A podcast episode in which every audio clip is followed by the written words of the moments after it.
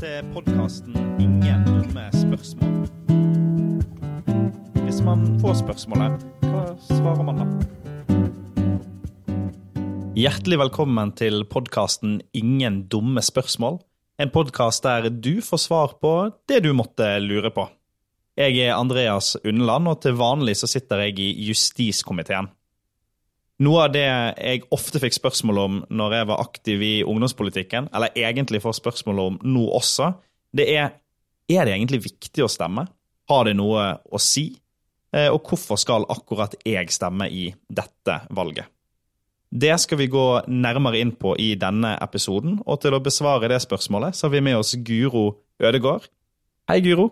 Hei. Hvem er du? Ja, hvem er jeg? Eh, ja, Guro Ødegård. Jeg er født på slutten av 60-tallet i ei lita bygd som heter Sykkylven på Sunnmøre. Og flytta egentlig ganske raskt til Oslo eh, for å jobbe og studere her. Og elsker det som er blitt byen min. Eh, til daglig så jobber jeg som, som ungdomsforsker. Eller det er det som er utdanninga mi, sosiolog. Eh, for tiden så er jeg instituttdirektør på velferdsforskningsinstituttet NOVA. Eh, et forskningsinstitutt som ligger innenfor Oslo OsloMet universitetet. Så stas at du hadde mulighet til å komme hit. og nå det, virker det av og til som at folk kan kalle seg valgekspert over en lav sko i dette landet, men du er jo virkelig en valgekspert. Så hvis man eh, får spørsmålet 'Hvorfor skal jeg stemme i år?', hva svarer man da? Da tror jeg det aller viktigste svaret er å, å si hvis du vil være med å bestemme, så må du bruke stemmeseddelen og den makta den gir. For den kan gi ganske stor makt. Ja, På hvilken måte er det den stemmeseddel gir makt?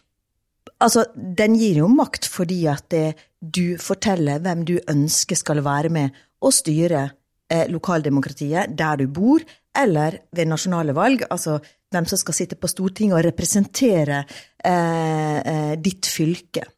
Eh, og hvem skal representere deg? Eh, men det, jeg tror det gir noe personlig for den som bruker stemmeseddelen, også som bruker stemmeretten sin, ved at en det bidrar også til å følge litt ekstra med, være engasjert.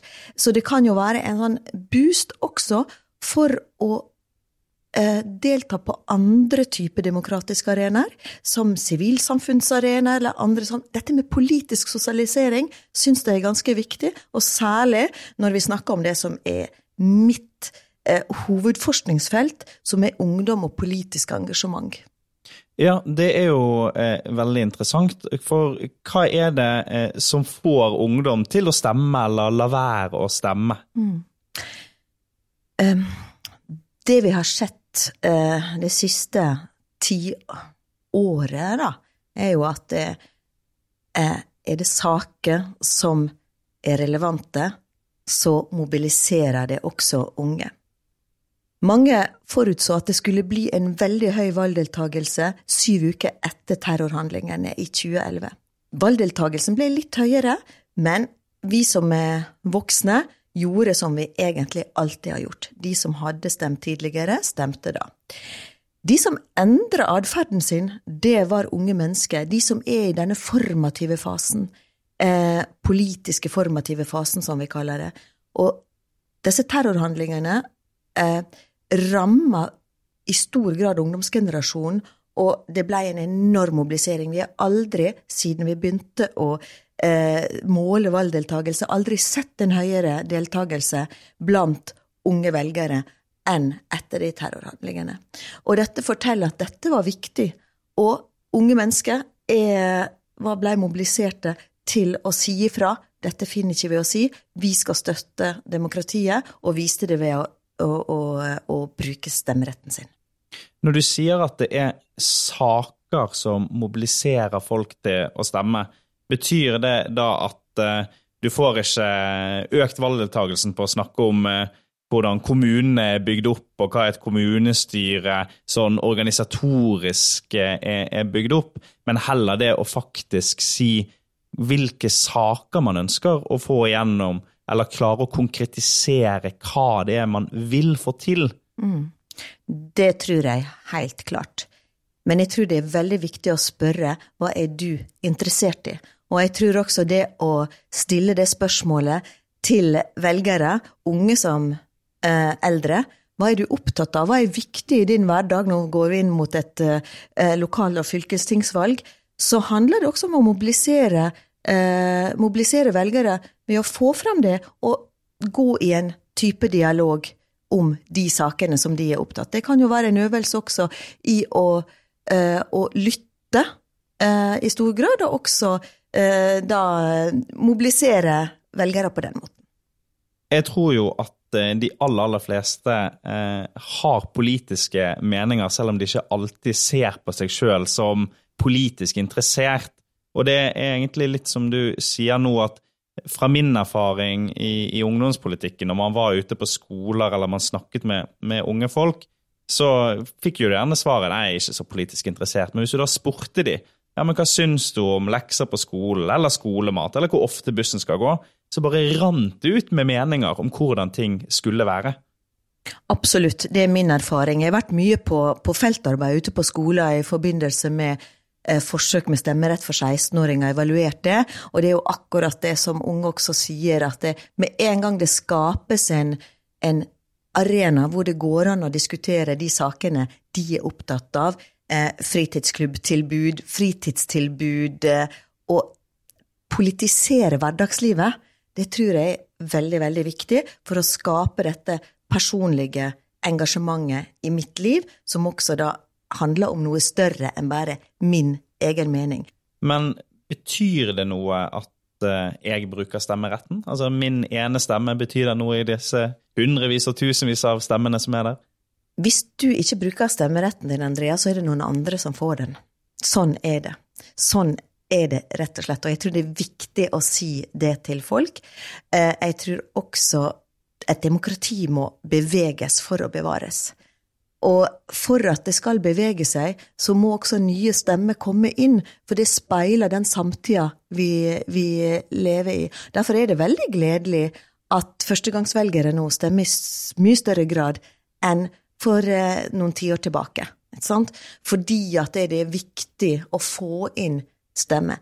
Det er urovekkende også. Vi vet hvem som bruker stemmeretten sin i størst grad. Det er de med høy utdanning, som har god økonomi, som har fast jobb.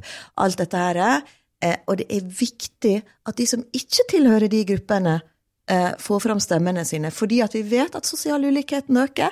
Og det at disse som normalt sett har en lav valgdeltakelse, bruker stemme, eh, valgseddelen på valgdagen, er viktig også, for de får mer makt som gruppe.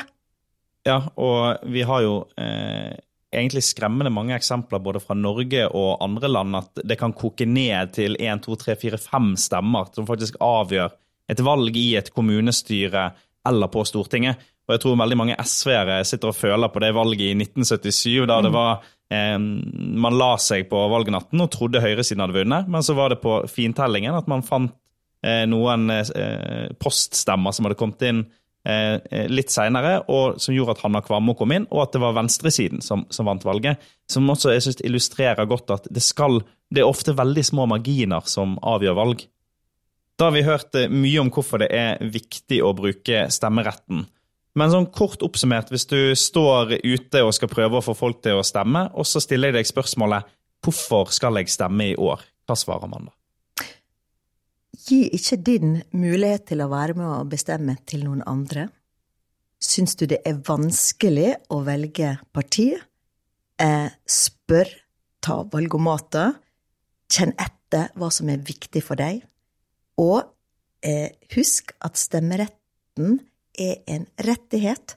Det er ikke en plikt, men det er viktig for å bevare demokratiet. Tusen takk for at du kom hit i podkasten Ingen dumme spørsmål, Guro. Hvis du lurer på mer om SV sin politikk, så går du inn på sv.no. slash ressursbanken. Der finner du svar på det aller meste man lurer på. Vi høres.